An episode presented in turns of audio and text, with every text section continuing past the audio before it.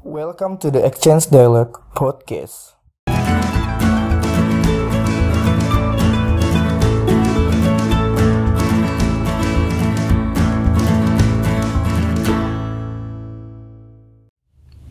Podcast ini adalah tempat untuk berdiskusi. Di sini, kami akan membicarakan sebuah obrolan singkat dan padat yang dikemas dengan santai. Kami akan membahas tentang pekerjaan dan kegiatan sehari-hari. Thank you for listening Exchange Dialogue. Selamat mendengarkan. Hai guys, kembali lagi ke Exchange Dialogue bersama gue Albasit. Sendiri lagi karena temen gue masih belum bisa podcast bareng dengan kondisi kita tahu semua masih pandemi atau bisa dibilang masih ada virus COVID-19 jadi kebetulan gue uh, hostnya sendiri aja. Nah kali ini gue lagi bersama kolega gue yaitu mungkin kenalin aja dulu nih langsung biar nggak banyak basa-basi. Halo semuanya, kenalin nama gue Arkelin, gue adalah mahasiswa tingkat akhir di salah satu universitas Pede banget, belum diapa-apain udah banyak nanya, udah ngejelasin lagi kok kuliahnya di mana, belum ditanya mas. Nah, oke oke oke lanjut lanjut lanjut. Kalau ditanya uh, langsung ngejelasin kuliah, emang kita mau bahas apa Kel? Langsung ngejelasin kuliahnya di mana?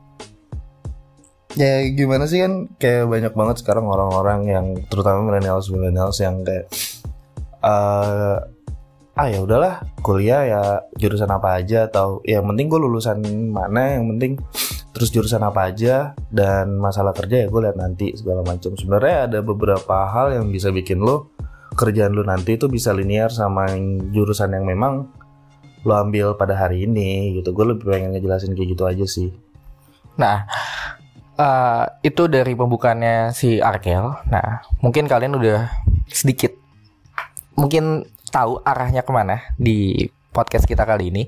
Nah, podcast kita kali ini lebih menjelaskan bagaimana sih bagi kalian yang uh, kuliahnya misalnya jurusan ekonomi, terus kerjanya ternyata bukan sesuai jurusannya.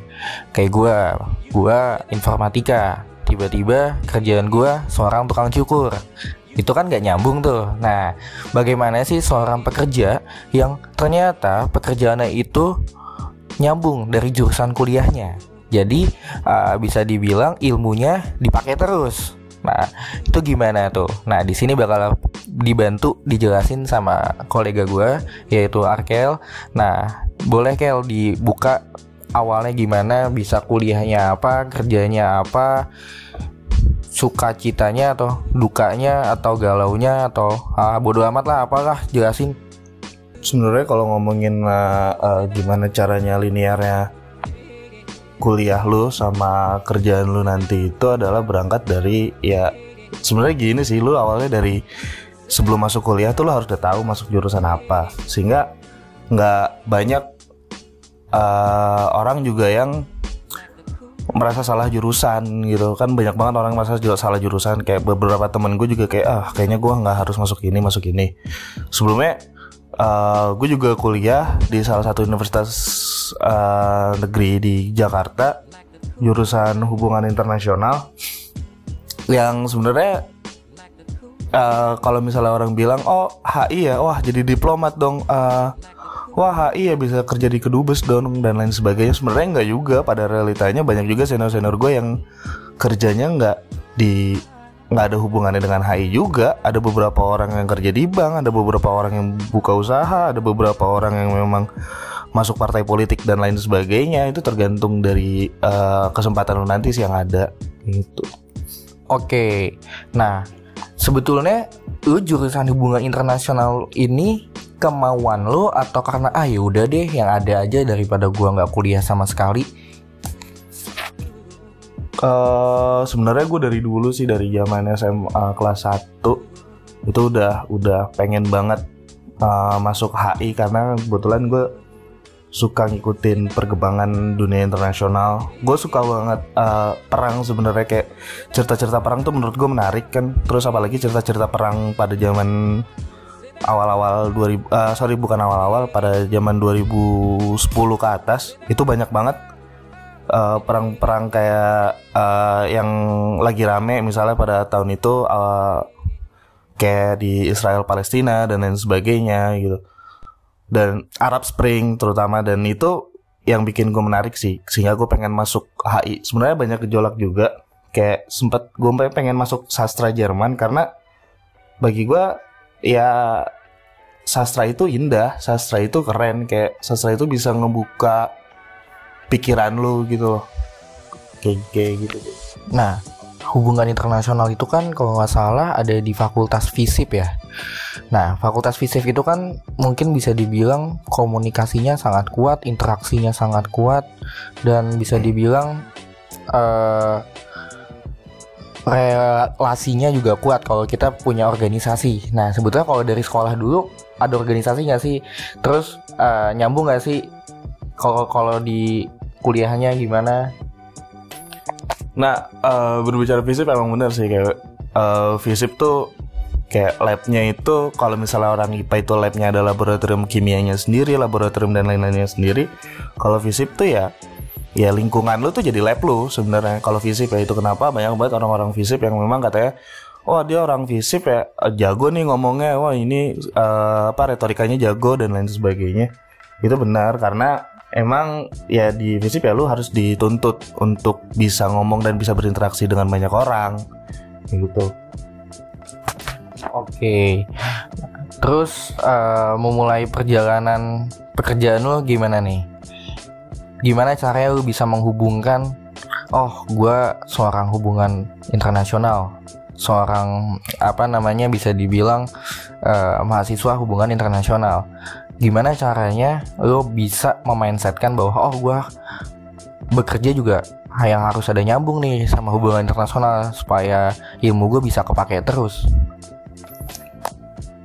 Nah, berbicara tentang itu kan uh, sebenarnya kalau misalnya HI itu cakupan luas untuk pekerjaan tuh sebenarnya luas banget. Cuma kan yang banyak orang tahu kayak sebelumnya gue udah bilang kayak ya HI itu uh, dekat dengan kedubes, dekat dengan uh, diplomat dan lain sebagainya. Sebenarnya nggak juga toh untuk angkatan-angkatan 2010 ke atas lah bisa dibilang 2010 ke atas tuh untuk menjadi diplomat dan dubes tuh minatnya ya memang memang memang masih tinggi tapi pada akhirnya terbuka uh, lapangan-lapangan pekerjaan baru yang lainnya seperti misalnya hubungan uh, lulusan hubungan internasional itu bisa masuk ke non non government organization atau NGO kalau lo pernah dengar World Peace eh uh, Green Green Greenpeace uh, WHO, PBB dan lain sebagainya itu kan ya jurusan HI juga bisa masuk ke situ tanpa lu bisa jadi diplomat gitu. Dan uh, gimana cara linearinnya sebenarnya tadi kan sempat disinggung tentang organisasi juga. Nah organisasi itu penting sih sebenarnya. Ini salah satu penyesalan gue kenapa waktu SMA itu nggak masuk organisasi. Sehingga pas masuk kuliah gue masuk organisasi itu sedikit ada ada sedikit cultural shock gitu tentang gue yang tadinya apatis nggak peduli tentang organisasi ya gue harus ikut cara mainnya organisasi. Karena setiap organisasi bagi gue punya uh, hukum-hukum tersendiri, produk-produk hukum sendiri. Kayak uh, anggaran dasar atau anggaran rumah tangga sendiri yang lu nggak boleh ngelewatin itu untuk bermain di organisasi. Dan itu penting karena dalam organisasi juga lu tahu gimana cara kerja. Kayak sebenarnya uh, pekerjaan-pekerjaan yang ada tuh mirip cara kerjanya ya, mirip dengan dengan organisasi strukturalnya. Lo tahu harus tahu menghubungin siapa koordinasinya itu mirip dengan organisasi sebenarnya dan organisasi ini yang bakalan kayak ya banyak link-link yang ada di organisasi sebenarnya kayak sebenarnya misalnya senior udah kerja di mana dan lain sebagainya mungkin bisa digunakan untuk itu gitu. Oke oke. Berarti udah cukup lumayan dijelasin nih di menit 8. Nah, emang pekerjaan lu apa sih Kel? Sampai akhirnya lu bisa terjerumus ke dunia hubungan internasional apa sih emang emang nyambungnya apa sih sama pekerjaan lo gue sekarang kerja di perusahaan baru sih namanya PT Environmental Energi Nah itu uh, kita bekerja di bidang ekspor impor di tanaman uh, hasil hutan bukan kayu. Kalau lu pernah dengar tanaman kaliandra, nah gue mengekspor bibit atau biji dari kaliandra merah dari Indonesia menuju Myanmar dan itu cukup nyambung lah kalau misalnya dibilang apakah linear dengan jurusan kuliah gue ya cukup nyambung karena masuknya kan ke perdagangan internasional kayak gitu. Oke. Okay. Ke perdagangan internasional. Berarti secara nggak langsung lu juga ada koneksi ke luar ya. Secara nggak langsung ada koneksi keluar. Nah itu gimana tuh jalan ceritanya? Nih bagi para pendengar podcast mungkin bisa dapat motivasinya dari si Arkel. Gimana caranya? Uh, siapa tahu ekspektasi kalian bisa jadi realita juga. Nah di sini bisa dijelasin. Intinya satu sih bagi gue kayak gimana caranya lu bisa mewujudkan uh, linearnya jurusan lu sama pekerjaan lu ya lu sebagai mahasiswa cobalah untuk buat bekerja di pertengahan-pertengahan semester. Maksud gue kayak kuliah kan idealnya 8 semester. Cobalah di semester 4 atau semester 5 lu cari pekerjaan dan lain sebagainya. Sering ngobrol sering ketemu banyak orang. Cari emang pekerjaan-pekerjaan yang linear sama peker, uh, sama jurusan kuliah lu. Karena itu pun yang gue kerjain dan memang sedikit menghambat uh, masa kuliah gue ya. Karena kebanyakan masa kuliah gue juga dibarengin dengan kerja gitu dan kalau bisa dibilang nggak semua orang mungkin banyak yang tahu ya tentang jurusan hubungan internasional ini pekerjaannya apa sih? Bener kata lu banyak orang berpikir kayak ah diplomat lah atau mungkin kerja di kedutaan dan lain-lain gitu kan. Nah banyak orang yang pengen uh, bisa bisa dibilang cari aman ya. Cari aman kalau bisa dibilang ah udahlah gue kuliahnya ekonomi aja manajemen atau akuntansi. Ah gue kuliahnya hukum aja lah. Ah atau mungkin gue informatika aja lah. Yang bisa dibilang lapangan kerjanya luas gitu kan. Nah hubungan internasional ini kan kembali lagi yang lu bilang di tahun 2010 mungkin sudah mulai bisa dibilang kelihatan lah minatnya bagi para para maba-maba atau eh, anak-anak uh, muda yang pengen masuk ke dunia hubungan internasional. Nah, di situ gimana sih uh, untuk ngebuka pikiran dan meyakinkan bahwa hubungan internasional ini juga salah satu jurusan yang bisa dibilang sangat-sangat luas gitu. Akhirnya kan mungkin yang tadinya orang berpikir ah cuma diplomat atau apalah ternyata wow bisa ke perdagangan internasional gitu kan bisnis bisnis juga gitu kan ekonomi ekonomi juga tapi secara ruang, ruang lingkupnya ini luas karena koneksinya bukan di circle lingkungan sendiri gitu tapi circle yang di luar. Nah itu gimana tuh? Nah kalau kenapa pada akhirnya uh, gue bilang hubungan internasional ini uh, adalah jurusan yang pada nantinya uh, lapangan pekerjaan itu bakal banyak banget. Kenapa? Karena pertama hubungan internasional itu bukan cuma ngejelasin tentang gimana sih hubungan antara negara A negara B. Tapi banyak faktor yang banyak faktor yang uh, banyak sektor sorry banyak sektor yang pada akhirnya bisa lu kembangin sendiri. Karena uh, bisa juga lu menjadi seorang kayak gue orang yang bekerja di sebuah perusahaan yang bekerja di bidang perdagangan internasional. Karena ada juga dijelasin gimana cara ekonomi bekerja di sistem internasional. Bisa juga lu bekerja tentang keamanan. Uh, bagaimana sebuah negara itu melakukan mitigasi atas ancaman yang ada dari luar negeri itu juga termasuk dari ini dari dari hubungan internasional. Lu bisa masuk di sektor security di situ lu bisa masuk sektor uh, apa uh, perdagangan internasional kayak gue lu juga bisa masuk di uh, misalnya uh, sorry bukan misalnya lu juga bisa masuk di ada di kajian-kajian baru di hubungan internasional yang bisa jadi ladang pekerjaan lu nanti kayak lu kalau misalnya lu fokus akan alam lu bisa masuk ke Greenpeace. Kalau misalnya lu fokus akan pergerak uh, gerakan-gerakan feminisme contohnya yang akhir-akhir ini lagi rame di sosial media itu juga ada patronnya sendiri buat lu bekerja di bidang uh, tersebut. Misalnya kayak lu masuk LBH lembaga bantuan hukum dan lain sebagainya itu juga bisa masuk sebenarnya. Jadi ya beneran emang luas banget Oke, terus gimana nih kak sukacita, sukacita dan uh, perjalanan bekerja dengan koneksinya orang-orang luar gitu kan? Kalau bisa dibilang kan kita harus bisa menempatkan diri.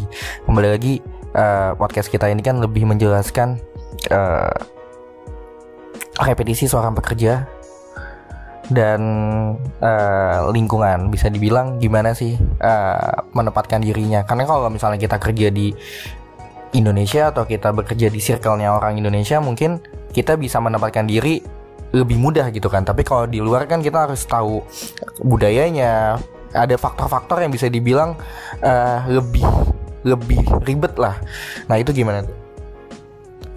Sebenarnya kayak gitu sih intinya ya lu harus harus banyak baca dan mengenali budaya dari tempat lain lo bekerja. Misalnya kayak waktu akhir 2019 dari November sampai pertengahan dari akhir November sampai pertengahan Desember tuh gue sempat dinas ke Kenya salah satu negara di bagian Asia eh sorry Afrika Timur di bawahnya Somalia. Itu otomatis gue harus bisa mengerti bagaimana cara berkomunikasi mereka, budaya mereka seperti apa, dan uh, bagaimana cara uh, bersosialisasi dengan mereka sih sebenarnya kayak ada beberapa aturan-aturan universal yang sebenarnya juga bisa diaplikasikan di berbagai macam negara. Misalnya kalau misalnya negara-negara maju itu uh, ketika karyawan itu sedang mengambil cuti hari li cuti atau hari libur misalnya kayak weekend Sabtu Minggu tuh kayak lu nggak boleh gangguin waktu karyawan lu untuk Sabtu Minggu atau hari cuti yang diambil tadi karena uh, etikanya adalah ya dia sedang libur dari pekerjaan maka dia sedang bersama keluarganya atau dia sedang sedang uh, sedang mem, sedang punya quality time lah ibaratnya sama uh, kembali lagi tadi kayak keluarganya atau teman-temannya atau saudara-saudaranya gitu. Jadi ada beberapa hal yang memang dipentingkan daripada pekerjaan. Beda dengan di Jepang misalnya ketika lu berbicara dengan orang-orang Jepang mereka memang etos kerjanya tinggi. Tapi kan ada efek buruknya contohnya angka stres dan angka bunuh diri di Jepang itu cukup tinggi juga. Ada salah satu hutan di Jepang yang dijadikan gue lupa namanya itu dijadikan tempat bunuh diri juga oleh orang-orang Jepang karena mereka terlalu stres akan tekanan dari pekerjaan itu. Memang pada akhirnya efek positifnya adalah uh, perekonomiannya maju. Uh, terus teknologinya maju dan dia juga termasuk dalam negara negara maju lah yang lebih maju dibanding dengan dibanding dari Indonesia ini. Tapi punya sisi ininya pada akhirnya ya lo harus lebih mengerti tentang tadi kayak ada aturan-aturan nggak tertulis tapi ya harus lo uh, harus lo aplikasikan harus lo aplikasikan dan itu ya aturan-aturan universal segampang itu tadi aja yang harus lo mengerti. Kalau misalnya lo nggak mengerti tentang aturan-aturan universal tadi dan ya lu main tabrak sana sini baratnya di negara orang dengan berkomunikasi dan bersosialisasi di negara orang ya lu eh, bakal susah untuk beradaptasi gitu. Intinya ya iya sih harus harus harus pinter-pinter beradaptasi sebenarnya. Oke pinter-pinter beradaptasi. Nah kalau kita lihat nih dengan situasi dan kondisi sekarang uh, kita bisa lihat uh, kondisi Indonesia atau mungkin dunia yang lagi terkendala situasi COVID-19. Nah, ini dari pandangan lo sendiri nih yang bekerja di perdagangan internasional lah ya, ada pengaruhnya nggak sih? Ya, sebenarnya wabah yang sudah menjadi pandemi di dunia ini berpengaruh banget di sektor uh, ekonomi ya, karena uh, ada beberapa negara atau bahkan ada beberapa kota juga kayak di Indonesia atau beberapa kota yang memang melakukan lockdown. Ada juga beberapa negara yang memang melakukan lockdown sehingga itu menghambat pengiriman yang ada uh, pengiriman terhadap dan misal dari gue dari Indonesia ke Myanmar gitu atau dari Indonesia ke Cina itu ada ada atau sebaliknya dari Cina ke Indonesia itu ada uh, sedikit hambatan sebenarnya di ini sih di bidang uh, pengirimannya. Karena otomatis proses sortirnya juga lebih berat ya yang dilakuin kayak ada beberapa barang yang memang harus uh, disemprot disinfektan dulu, ada yang memang tunggu lockdownnya selesai dulu baru dikirim gitu. Jadi ada beberapa hambatan di situ sehingga uh, menghambat pekerjaan gue juga gitu.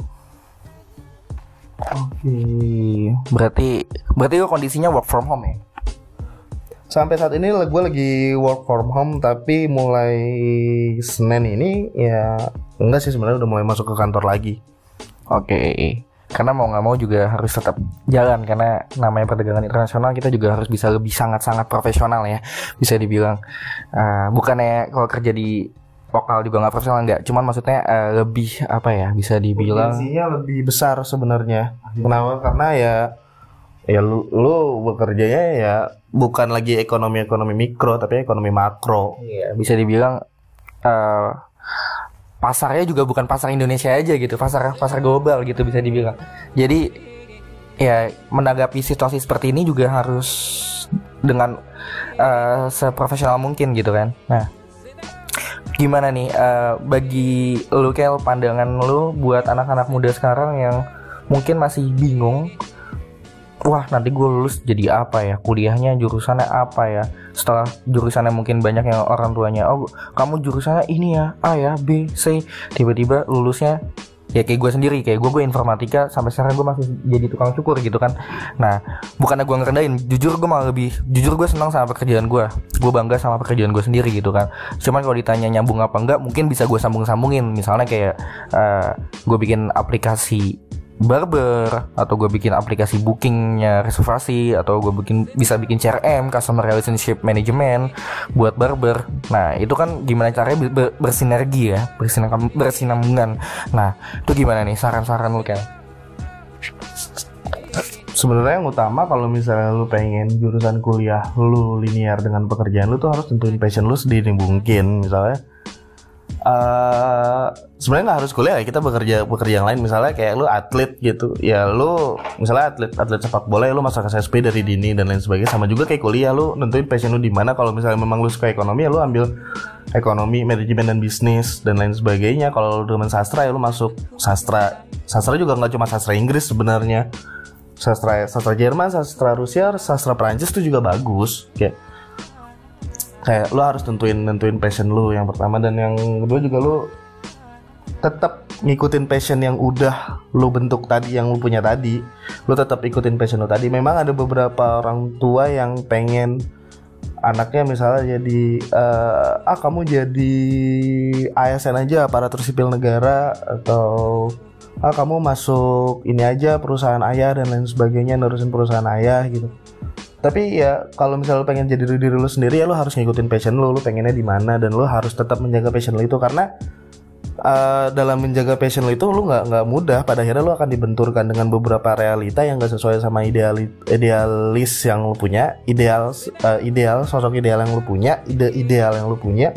Dan lu akan mencoba untuk menyerah gitu. Itu itu sebenarnya sih kayak gue percaya kayak uh, kegagalan sebenarnya adalah ketika seseorang itu menyerah dan dan lu jangan pernah nyerah buat ngejar passion lu lu jangan pernah buat ngejar apa yang lu pengenin dari dulu sebenarnya. Bakal ada kok kebuka. Kalau kata orang mah uh, ada seribu cara ada seribu jalan untuk menuju Roma dan itu benar sebenarnya.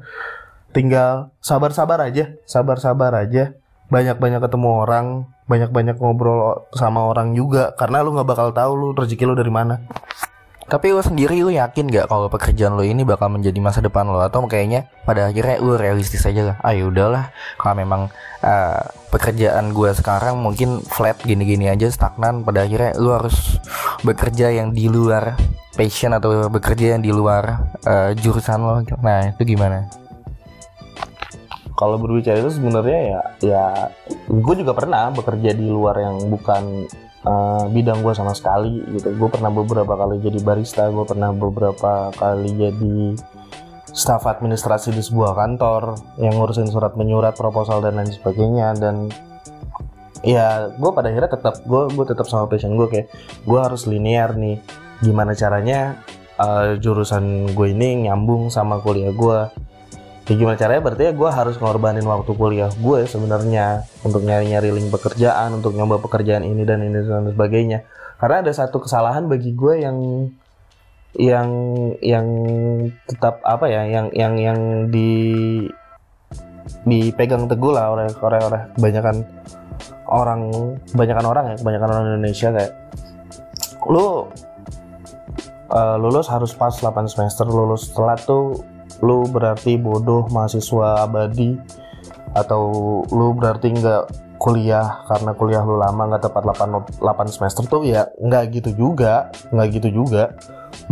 Nggak gitu juga. Toh belum tentu juga orang yang lulus duluan itu dapat pekerjaan langsung dan menjanjikan. Kayak banyak teman-teman gue yang yang no hard feeling ya kalau misalnya kalian dengerin ini. Banyak teman-teman gue yang sebenarnya udah lulus duluan tapi mereka belum ngapa-ngapain gitu bahkan sampai nyari pekerjaannya bingung kayak dan dan kesalahan lagi yang lain adalah bagi gue karena uh, kebanyakan fresh graduate fresh graduate ini yang IPK-nya tinggi-tinggi itu tuh kayak punya ekspektasi ah gue harus bekerja di pekerjaan di perusahaan yang perusahaan yang memang bagus yang perusahaan yang memang baik dengan gaji yang bagus juga gaji yang tinggi. Tapi fresh graduate itu nggak punya pengalaman. Sementara perusahaan-perusahaan ini kebanyakan yang memang memang meminta uh, calon pegawainya ini punya pengalaman kerja gitu sehingga mereka bisa cepat beradaptasi bisa cepat keep, keeping up dengan perusahaan itu nggak perlu diajarin dari nol lagi. Bagi gue gitu sih. Iya, bener banget sih. Kayak kita bisa dibilang uh, banyak banget fresh graduate atau yang ya bisa dibilang banyak banget uh, ya ini nggak menyinggung cuman kita kembali lagi ke realistisnya. Banyak banget mahasiswa-mahasiswa yang baru lulus di PTN yang bisa dibilang bagus ekspektasinya sangat tinggi. Wah gue harus dibayar tinggi nih wah gue harus gajinya gede nih gue harus perusahaan yang besar nih multinasional atau bisa dibilang yang dipandang lah. Nah itu kan kembali lagi kita harus kita harus bisa menyadari uh, kapasitas kita juga se -se setinggi apa gitu supaya kita bisa hmm, pekerjaan kita bisa make sense lah sama apa yang kita inginkan gitu kan. Nah udah cukup panjang podcast kita ini udah cukup lumayan udah di lebih dari 20 menit. Nah sebelum penutup nih mungkin ada kalimat-kalimat penyemangat buat motivasi-motivasi bagi para yang ngedengerin podcast kita nih apa ya? Uh, follow your passion, man. Follow your passion, follow your heart gitu. Jangan pernah berpikir untuk menyerah karena ketika lu berpikir untuk menyerah, ya lu gagal. Bahkan untuk tataran dalam berpikir untuk menyerah aja lu gagal. Jadi jangan pernah lakukan itu. Iya. Itulah cukup. Dan ada tambahan buat gue. Jangan merasa malu kalau kalian kerja nggak sesuai jurusan kalian karena pada pada dasarnya kembali lagi kesuksesan itu bukan dari ya kesuksesan tuh nggak bisa diukur iya kita nggak bisa ngukur kesuksesan, kesuksesan seseorang lah hmm. cuman ya kembali lagi jalanin stay positif dan insya Allah yang terbaik bakal lu dapat oke okay. mungkin uh, lo Instagram lu apa Kel kalau bagi para pendengar nih mau diskusi sama lu langsung via DM secara personal yang kuliahnya hubungan internasional atau misalnya pengen nanya pekerjaan perdagangan internasional itu kayak gimana nah itu gimana tuh bisa banget bisa banget kontak gue di Instagram dengan uh, eh, ID Mr. Arkelin M R A R Q E L L I E N Mr. Arkelin sama kalau misalnya mau kontak gue lewat line juga sama ID-nya itu. Jadi ya gue open banget kok kalau misalnya ada yang mau diskusi tentang dunia pekerjaan, gimana caranya balancing dunia pekerjaan dan dunia perkuliahan juga ya. Bisa lah kita diskusi bareng gitu. Dan ya bukan berarti gue bener juga karena uh, semua orang pada akhirnya belajar satu sama lain. Gue bisa aja belajar dari lu dan lu bisa aja belajar dari gue kayak gitu thank you Kel atas sharing-sharingnya mungkin kita nggak bisa lama-lama banget supaya kalian juga nggak bosen dengerin uh, bacotan gue dan bacotan si Arkel biar nggak lama-lama aja nanti kalau mau panjang-panjang lebarnya bisa PC aja langsung dia atau mungkin mau nanya-nanya juga sama gue langsung oke okay, Kel thank you banget Kel Yoi, sama-sama. Oke, paling gitu aja. Uh, sebelum penutup, terima kasih bagi para pendengar. Sehat selalu, jaga kesehatan jauhi lingkungan yang ramai dulu karena kita harus sadar kondisi sekarang belum memungkinkan untuk kumpul-kumpul jaga kesehatan selalu. Yang kerja di lapangan tetap uh, jaga kebersihan buat kalian semua. Yang work from home tetap semangat aktivitasnya tetap harus tetap lanjut produktifnya juga tetap. Jangan patah semangat bagi kalian yang dirumahkan karena kondisi pekerjaannya tidak memungkinkan buat kerja tetap semangat jalanin apa adanya bersyukur aja bagi mungkin uh, kondisi seperti ini bisa dapat hal positifnya. Misalnya kayak kalian bisa jadi sering kumpul sama keluarga bisa ngobrol sama kakak sama adiknya bisa uh, bercerita sama ibu bapaknya positif aja uh, untuk saat ini. Terima kasih.